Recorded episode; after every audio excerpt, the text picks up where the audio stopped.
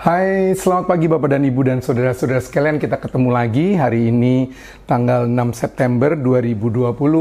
Anda bersama-sama dengan kami semua di sini mengikuti kebaktian dari Jakarta Central Assembly uh, Online Church. Saya senang sekali berada di tengah-tengah saudara-saudara kembali. Jangan lupa tentu saja kita selalu masih melakukan protokol kesehatan, menggunakan masker saudara-saudara ya, lalu menjaga jarak dan cuci tangan. Kita tentunya mau agar uh, semua yang ada di rumah, semua yang kita kenal dan semua yang selalu berada di dalam kehidupan kita dalam keadaan yang sehat begitu ya saudara-saudara. Kita juga berdoa untuk mereka yang hari ini ada di rumah sakit-rumah sakit, apalagi kalau itu berkaitan dengan keluarga kita agar tentunya mereka akan dijamah oleh Tuhan dan mendapatkan kesembuhan.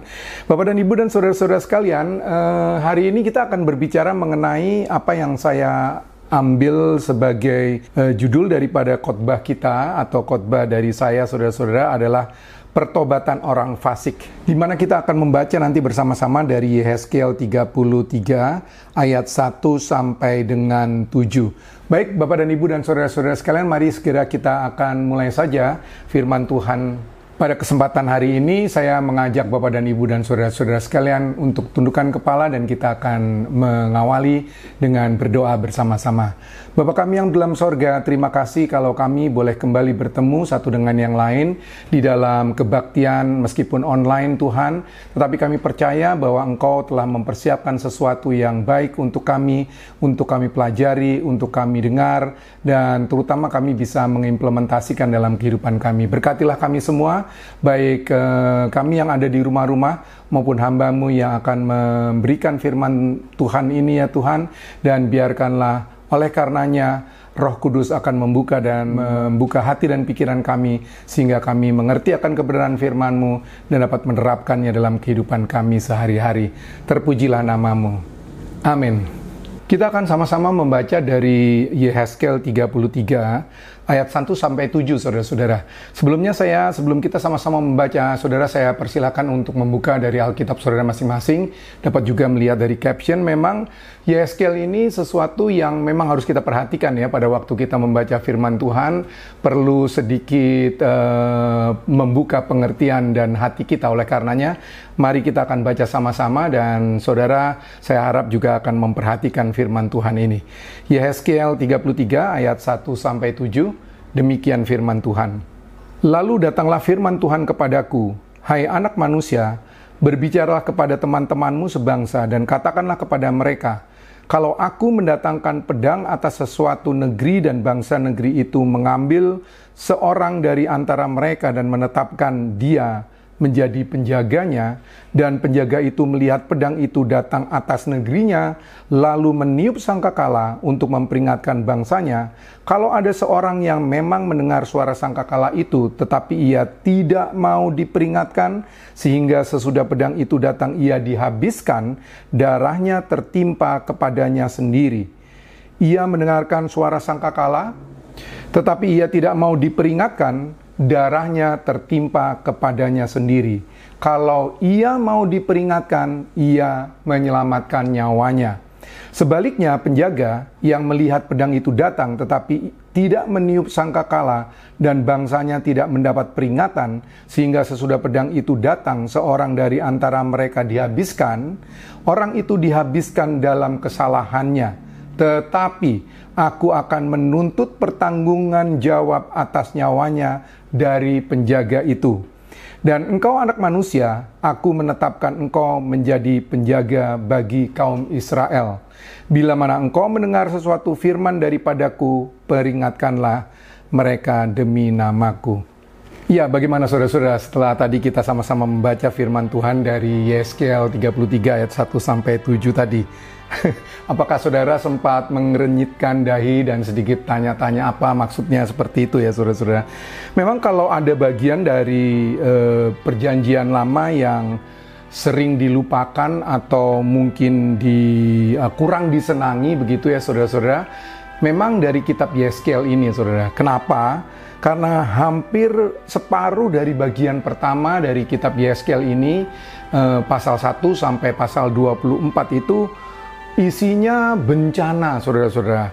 Lalu malapetaka dan kelihatannya nggak ada jalan keluarnya begitu. Jadi, jadi sepertinya orang kayak males gitu ya dan ingin segera skip, saudara-saudara, karena ya itulah banyak orang-orang percaya, orang-orang Kristen itu sukanya mendengar sesuatu yang uh, yang sederhana ya, yang maksudnya yang bicara mengenai berkat, bicara mengenai uh, sesuatu yang menyenangkan. Memang tidak salah saudara-saudara.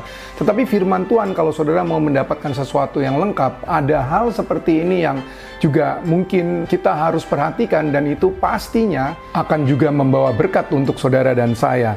Nah, apa tadi yang saya katakan bahwa memang um, apa berisi hal-hal yang seperti kayaknya menyeramkan, menakutkan, bencana, malapetaka tanpa jalan keluar.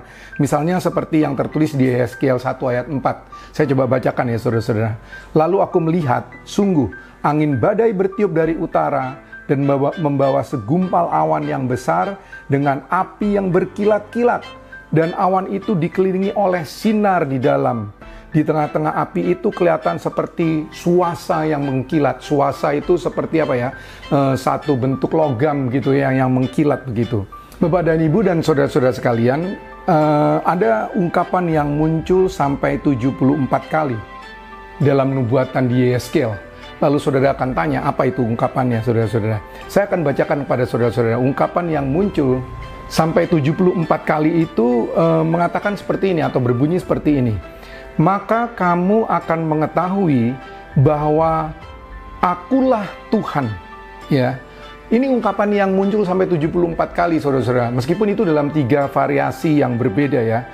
Ya, tetapi paling tidak e, bisa menunjukkan bahwa bangsa Israel ini nampaknya tidak sungguh-sungguh yakin ada Tuhan. Mungkin juga karena pada waktu itu, pada zaman Yeskel ini adalah sebenarnya adalah e, pada waktu zaman pembuangan orang-orang Israel atau e, Yehuda yang ada di selatan orang-orang di Yerusalem itu ke Babilonia, saudara-saudara. Sehingga pada waktu itu ada sesuatu kecemasan tersendiri, ada ketidakyakinan sendiri daripada orang-orang Israel atau bangsa pilihan Tuhan pada waktu itu terhadap Tuhan, saudara-saudara. Dan tetangga-tetangganya dari Israel itu sendiri mereka juga tidak yakin ada Tuhan atau ada Tuhan dari bangsanya orang Israel ini yang melindungi dan berdaulat kepada orang-orang Israel pada waktu itu kalau bicara dalam lingkup yang lebih besar atau lebih luas lagi, bahkan ada negara atau bahkan dikatakan ada bangsa yang tidak yakin bahwa ada Tuhan yang berdaulat, ada Tuhan yang melindungi bangsa Israel yang uh, ada pada waktu itu, saudara-saudara. Di sisi yang berbeda sebenarnya kalau kita lihat ini ada satu kesabaran dan kasih yang begitu besar kepada umat Tuhan ini sehingga Tuhan terus berupaya untuk menyelamatkan mereka. Itu sebabnya berkali-kali dikatakan seperti yang saya katakan tadi, maka kamu akan mengetahui bahwa akulah Tuhan. Nama Yehezkiel, saudara-saudara, ini menarik. Nama Yehezkiel itu adalah Tuhan menguatkan. Ya, meskipun di dalam kitab ini e, nama Yeskel itu tidak disebutkan karena tadi kita baca ya saudara-saudara, waktu dikatakan anak manusia itu adalah e, ungkapan atau sebutan untuk Yehezkiel di dalam kitab Yehezkiel ini. Sebuah panggilan yang Yesus pakai untuk dirinya sendiri. Dan yang saudara perlu ketahui, tidak ada nabi lain yang dikenal dengan julukan itu, saudara-saudara, anak manusia. Apakah ini sebuah kebetulan, saudara-saudara? Kelihatannya mungkin tidak terlalu berlebihan kalau saya katakan bukan satu kebetulan, tetapi ini adalah bagian dari rencana Tuhan untuk menyelamatkan umat pilihannya. Meskipun demikian, saudara-saudara, kenyataannya selalu saja ada keadaan yang konyol gitu ya, saudara-saudara, dari umat manusia, khususnya orang-orang yang sebenarnya dikasihi Tuhan ada ungkapan yang lain yang saya ingin uh, perkenalkan kepada saudara-saudara hari ini, yaitu velodese. Velodese ini adalah bahasa Latin yang merupakan istilah hukum Inggris kuno di abad ke-17. Ya, saudara-saudara dan saudara mau tahu artinya apa? Velodese ini ungkapan Latin ini yang berkaitan dengan hukum Inggris kuno abad 17 berarti bunuh diri Artinya bunuh diri gitu saudara-saudara. Nah, keadaan yang konyol yang saya katakan itu adalah velo DC yang dituliskan di dalam firman Tuhan yang kita baca itu terlihat dari apa yang sebenarnya kita lihat yang mungkin tadi saudara sedang bertanya-tanya apa ini maksudnya ya kalau saudara perhatikan firman Tuhan tadi mengajarkan mengatakan velo DC atau bunuh diri ini dapat terjadi untuk orang-orang yang akan diselamatkan ya saudara-saudara maupun juga untuk orang yang menyelamatkan orang yang akan diselamatkan itu sendiri. Jangan bingung dulu. Apa itu artinya Pastor Indra? Yuk kita lihat lagi ya. Kita perhatikan tadi firman Tuhan dari Yeskiel eh, 33 ayat 1 sampai 7 tadi ya. Kita mulai di ayat 2-nya Saudara-saudara. Tadi dikatakan seperti ini. Hai anak manusia, Siapa anak manusia ini? Anak manusia ini tadi saya sudah katakan merujuk kepada atau menyebutkan bahwa itu yang dimaksud adalah Yehezkiel. Berbicaralah kepada teman-temanmu sebangsa dan katakanlah kepada mereka. Siapa ini yang dikatakan teman-temanmu sebangsa ini saudara-saudara? Teman-temanmu sebangsa ini tentu saja bangsa Israel. Ya umat pilihan Tuhan pada waktu itu saudara-saudara. Dan katakanlah kepada mereka, kalau aku mendatangkan pedang atas sesuatu negeri dan bangsa negeri itu mengambil seorang dari antara mereka dan menetapkan dia menjadi penjaganya dan penjaga ini melihat pedang itu datang atas negerinya lalu meniup sangkakala untuk memperingatkan bangsanya kalau ada seorang yang memang mendengar suara sangkakala itu tetapi ia tidak mau diperingatkan, sehingga sesudah pedang itu datang ia dihabiskan, darahnya tertimpa kepada dirinya sendiri. Nah, saudara-saudara, coba kalau kita berhenti dulu sampai di sana, sampai di ayat yang keempat, saudara-saudara, lalu kita mulai coba merenungkan dan mengartikan firman Tuhan Bisakah saya mengajak saudara untuk men, uh, menanyakan introspeksi atau apa itu namanya, menanyakan diri sendiri, berapa banyak kita melihat pedang itu datang, ya. Jelas bahwa pedang itu uh, sesuatu yang bisa membawa kecelakaan, bisa membawa kematian, bukan? Nah, pedang ini bisa juga kita artikan atau saudara boleh mengartikan sebagai suatu peringatan agar jangan sampai terjadi kecelakaan itu. Jangan sampai terjadi kematian itu, saudara-saudara. Bisa juga uh, kejadian itu sendiri yang mengakibatkan kematian. Jadi pedangnya itu adalah satu kejadian yang mengakibatkan kematian dan kematian ini boleh diartikan dalam satu uh, bentuk yang begitu luas. Misalnya kematian tubuh, saudara-saudara. Belum lagi apa misalnya kematian persahabatan kalau itu terjadi di antara dua orang teman yang sudah lama bersahabat tetapi tiba-tiba ada satu peringatan yang dikatakan jangan sampai dilakukan di antara dua sahab, sahabat tapi masih dilakukan akhirnya terjadilah dalam tanda petik kematian persahabatan Bagaimana dengan rumah tangga? Kematian rumah tangga atau kematian perkawinan. Kalau ada hal-hal yang terjadi di rumah tangga yang tidak diinginkan, bahkan sesuatu yang mengerikan tentunya kan kita tidak mau kalau rumah tangga kita berantakan karena ada seseorang yang tidak setia ya terjadi hal-hal yang bahkan sampai kepada perselingkuhan. Itu adalah kematian perkawinan. Bagaimana dengan karir, saudara-saudara? Kematian karir, ke mungkin saja kalau terjadi sesuatu yang mengganggu integritas seseorang, terjadi um, yang saat ini menjadi wabah masyarakat, dibenci tetapi tidak bisa hilang, seperti kanker, yaitu korupsi, saudara-saudara, dan itu mengakibatkan kematian karir pada waktu melakukannya seolah-olah um, apa namanya uh, seperti takut-takut tidak tanpa beban, tapi dilakukan juga akhirnya pada waktu ketahuan matilah karir itu, saudara-saudara. Padahal sudah diperingatkan. Bagaimana dengan kematian kekal itu sendiri? Nah, kata-kata sudah diperingatkan tapi nekat inilah yang saya sebut sebagai apa yang tadi dikatakan velodese atau bunuh diri saudara-saudara. Ya kalau kita lanjutkan di ayatnya yang kelima saudara-saudara ya. Ia mendengar suara sangkakala tetapi ia tidak mau diperingatkan. Darahnya tertimpa kepadanya sendiri. Kalau ia mau diperingatkan ia menyelamatkan nyawanya Saudara-saudara kita baru saja lewat dari 17 Agustus ya dan di 17 Agustus itu kita selalu ingat ada kalau kita melihat detik-detik proklamasi itu kita juga melihat ada upacara-upacara begitu ya saudara-saudara. Ada upacara militer kita sering mendengar ada prajurit yang meniupkan trompet. Untuk kita orang-orang yang awam yang tidak mengerti itu kan kita cuma bisa membedakan oh ada nada yang seperti ini, ada nada yang seperti itu. Tetapi untuk uh, atau nada yang berbeda-beda. Tetapi untuk kesatuan tentara saudara-saudara itu adalah suatu tanda, itu adalah satu perintah, itu adalah satu nada yang mengartikan sesuatu saudara-saudara ya. Dan semua itu yang tertulis di ayat 5 yang tadi kita baru baca itu bisa kita kategori diberikan sebagai perintah saudara-saudara. Kuncinya apa? Kuncinya sebenarnya adalah kata-kata yang mengatakan kalau ia mau diperingatkan, maka ia menyelamatkan nyawanya.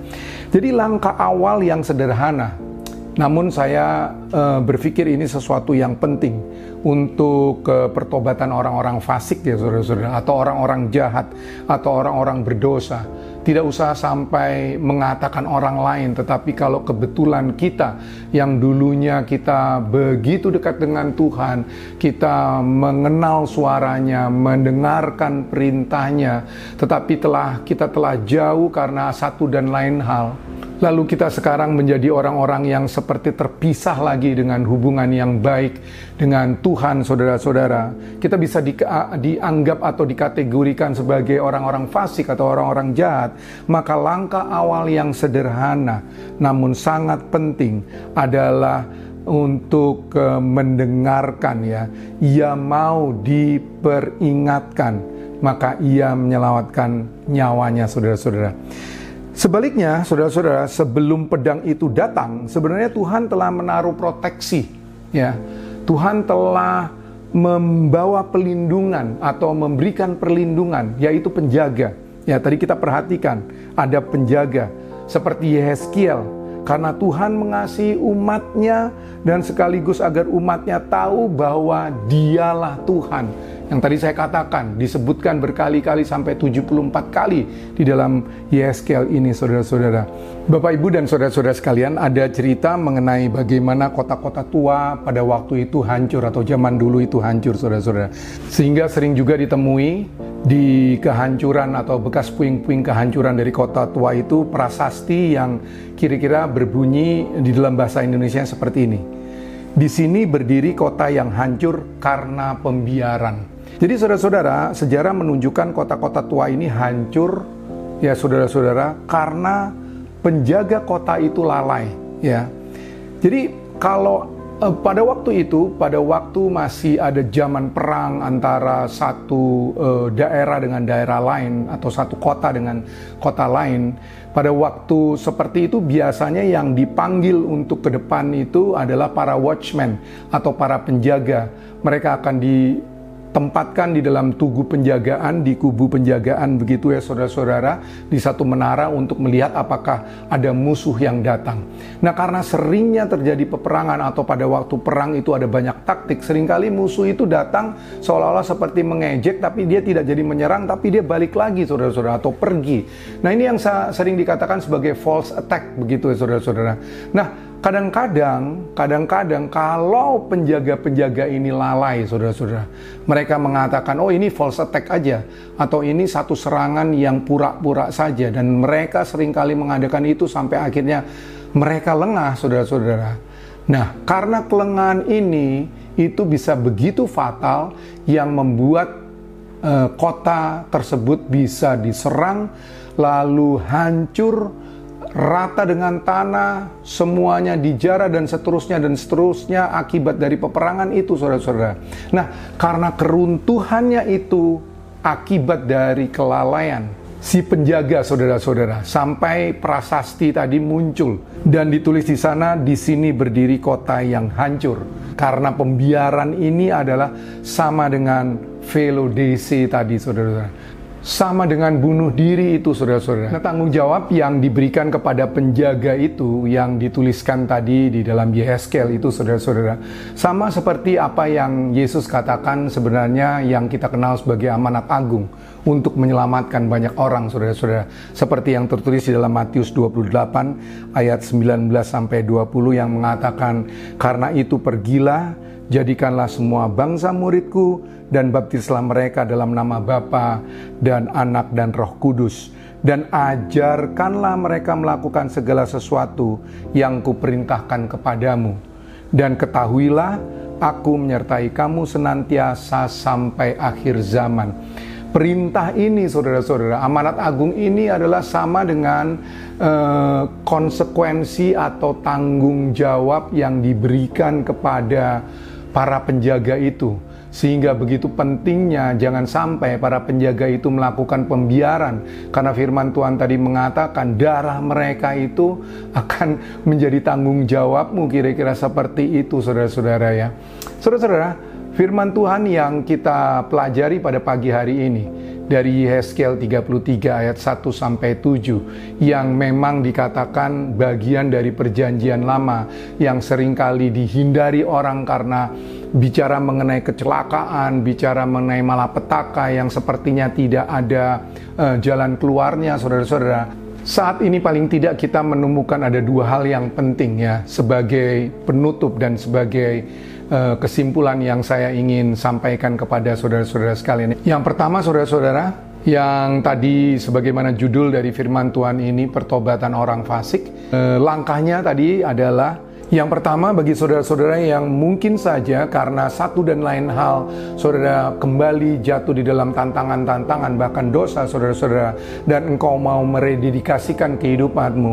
Uh, apa yang kita pelajari hari ini adalah simple ia mau diperingatkan, ia menyelamatkan nyawanya. Saudara mau diperingatkan, saudara menyelamatkan nyawa saudara. Saudara mendengarkan firman Tuhan, saudara mendengarkan, saudara mau mengatakan, "Ya Tuhan, tolong aku, ya Tuhan, selamatkan aku." Maka engkau menyelamatkan nyawamu sendiri. Yang kedua, saudara-saudara, bagi saudara yang kebetulan dalam posisi atau keadaan bisa menolong saudara-saudara, kita tidak berada di dalam satu kesempatan yang bisa uh, berleha-leha, tetapi Tuhan juga memberikan satu mandat kepada kita, satu uh, perintah kepada kita menjadi penjaga itu saudara-saudara, kita memiliki satu tanggung jawab untuk tidak membiarkan, tidak ada tidak melakukan pembiaran saudara-saudara. Seperti yang dikatakan tadi, tetapi aku akan menuntut pertanggungan jawab atas nyawanya dari penjaga itu.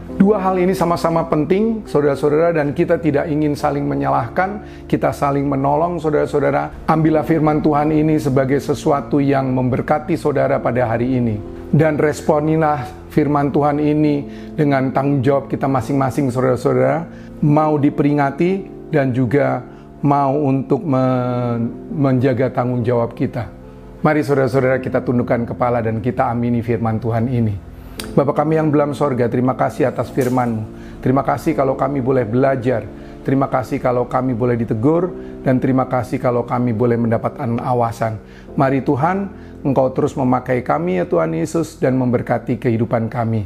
Di dalam nama Yesus Kristus. Haleluya. Amin.